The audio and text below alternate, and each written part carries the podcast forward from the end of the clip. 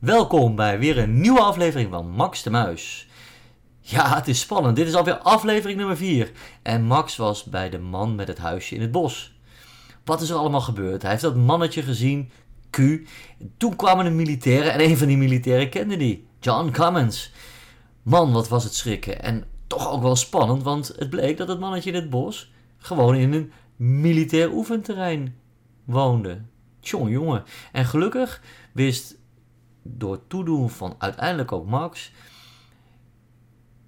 John Cummins te voorkomen dat er een oefenbombardement zou komen op het huisje van Q. Gelukkig maar. En ook Lulu de Duif was er erg blij mee. En zo zaten de mensen aan tafel. Lekker wat te drinken. Maar Max, Max zat met zijn gedachten elders. Hij droomde weg. Want wat was het toeval toch?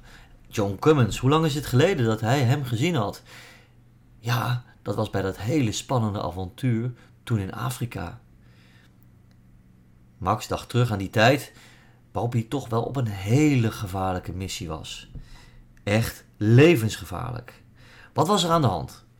Max kreeg een belletje en het was een beetje een krakerige lijn. Hallo, hallo, Max, spreek ik met Max? Ja, met Max. Zo zei hij over de telefoon. Max, je spreekt bij John Cummings. Ik ben militair en je kent me misschien niet, maar ik ken jou wel. En we hebben hier een groot probleem. Oké, oké, rustig, rustig. Eerst even uitleggen. Wie is wat en wie is waar en, en, en vertel even. Nou, wij zitten hier in Afrika, zo vertelde John. En de bekende, hele gevaarlijke dief Jojo Labouef, de Franse diamantrover, die heeft hier heel veel schade aangericht. Maar wat is er nou ook gebeurd? Hij wou een diamantenmijn beroven. Daar had hij explosieven voor in die mijn gestopt. Hij is uiteindelijk gesnapt. Hij is uiteindelijk is hij ontsnapt. Maar die explosieven zitten nog in de mijn. Dus daar moeten we wat aan doen. Ja, maar jullie kunnen dat toch wel zelf? Zo zegt Max, daar hoef ik toch niet helemaal op een Harley Davidson naar Afrika voor te rijden? Haha, zei John, hé, hey, dat klinkt allemaal makkelijk. Maar we weten dat Jojo nog in de buurt is. En we weten dat ook het ontstekingsmechanisme voor al die explosieven nog in zijn zak zit. Dus eigenlijk moeten we eerst Jojo hebben en dan pas kunnen we die explosieven pakken. Hmm, dat is logisch, zei Max. Maar goed, ik kom eraan. En zo sprong Max op zijn Harley Davidson voor de lange, lange rit helemaal naar het donkere Afrika.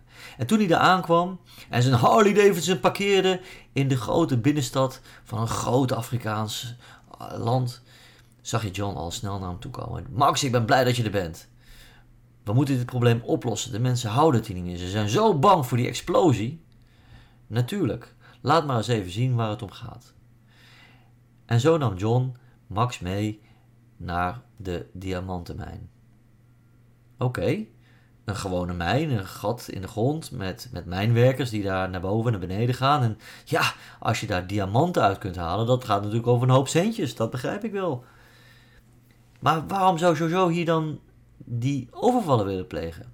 Nou, zei John, net op het moment van de overval, dus hij was goed geïnformeerd, kwam er een enorme grote diamant naar boven. Want die hadden ze beneden, hadden ze die gevonden. En dat is natuurlijk heel veel waard, want die kun je splitsen en die kun je verkopen. En dat is wel miljoenen waard, denk ik. Oké, en, en waar zouden dan die explosieven zitten? Zo vroeg Max aan John. John liet een plattegrond zien van de mijn.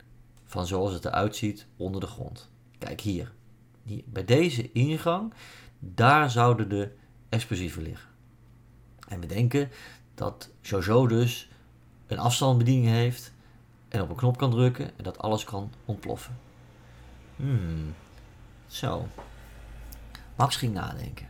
Maar luister, als je een afstandsbediening hebt, dan kun je niet heel ver weg zijn, want je moet altijd nog contact kunnen maken met de zender. Hmm, laten we eens een cirkel trekken. Nou, slim, zei John, dat hadden we nog niet bedacht. Nee, maar daarom ben ik natuurlijk een superheld, zei Max. Dus een cirkel getrokken. Max keek eens goed rond en zei tegen John: Kom eens mee. Want binnen deze cirkel, als Jojo er is, moet hij zijn. Want anders kan hij helemaal niet op die knop drukken, want dan heeft hij geen verbinding meer met explosieven. Maar we gaan niet zomaar. Pak je geweer mee. En laten we heel voorzichtig gaan. En laten we liefst in de avond gaan. Want dan zien ze ons niet. Toen het duister werd, gingen ze met z'n tweeën de cirkel verkennen. De cirkel rond de explosieven en de cirkel waar dus, als je dan op een knop zou willen drukken, nog contact kan hebben met de zender. Na bijna twee uur wandelen door die cirkel en kijken en, en, en zoeken, had Max een idee. Jojo, wat doet hij altijd? Waar houdt hij van? Hij houdt altijd wel van wat eten. Want het is een hele beroemde boef die altijd toch wel uh, moet eten. En, en, en Jojo, ja. Jojo, die, die uh, is vrij groot. Um, ja, ja, ja, lastig. Laten we maar weer verder gaan. En zo gingen ze weer verder lopen. Toen stopte Max weer. Weet je, volgens mij, ja, ik weet het niet zeker, maar ik heb gehoord dat Jojo af en toe ook grote sigaren rookt. En dat hij daar ook zelfs een beetje verslaafd aan is. Dus af en toe, ja, zeker als het wel langer duurt, zou je kunnen bedenken dat hij misschien wel een sigaar gaat roken. Hmm. Misschien moeten we dus een hittemeter aanzetten. Misschien kunnen we dan wel een heel klein puntje van een gloeiende sigaar oppikken. En dan kunnen we beter zoeken. Ha, die hebben we wel, zei John. John die pakte een apparaatje. En op dat apparaatje kon je zien wat groen was, dat was koud. En wat rood was, dat was heet. Haha, kijk eens. John richtte het apparaatje op de neus, op de muizensnuit van Max. En dat was natuurlijk helemaal rood. Zie je? Jij bent warm. Ja, hè hè, Max. Geen grappen nu. We moeten even Jojo pakken, want anders blaast hier alles op. En dat is heel erg. Je hebt gelijk. John die richtte de hittemeter door de cirkel.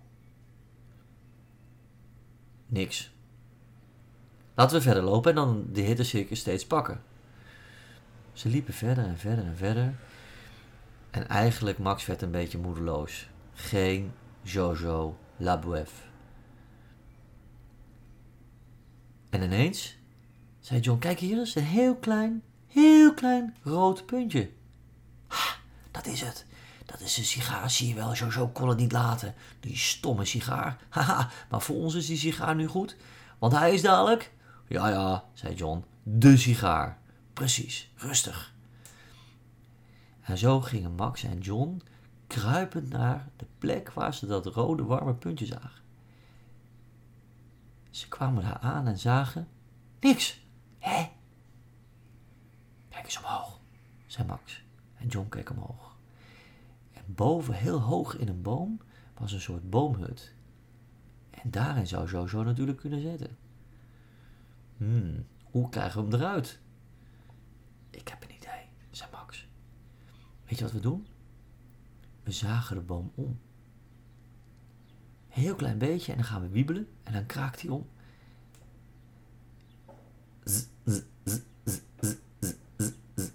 Zo gingen ze zagen. Ze gaven de boom een duwtje. En zo viel de boom om. En toen de boom omviel, kwam er een luide kreet. Ah, au secours! Dat was Jojo, inderdaad. Hij viel met alles wat hij bij zich had op de grond. Was daardoor best wel eventjes ja, verdwaasd. En toen konden ze hem zo oppakken. Het eerste wat Max deed, was natuurlijk de zender van de explosieven uit zijn handen grissen. opgelost. John pakte Jojo mee.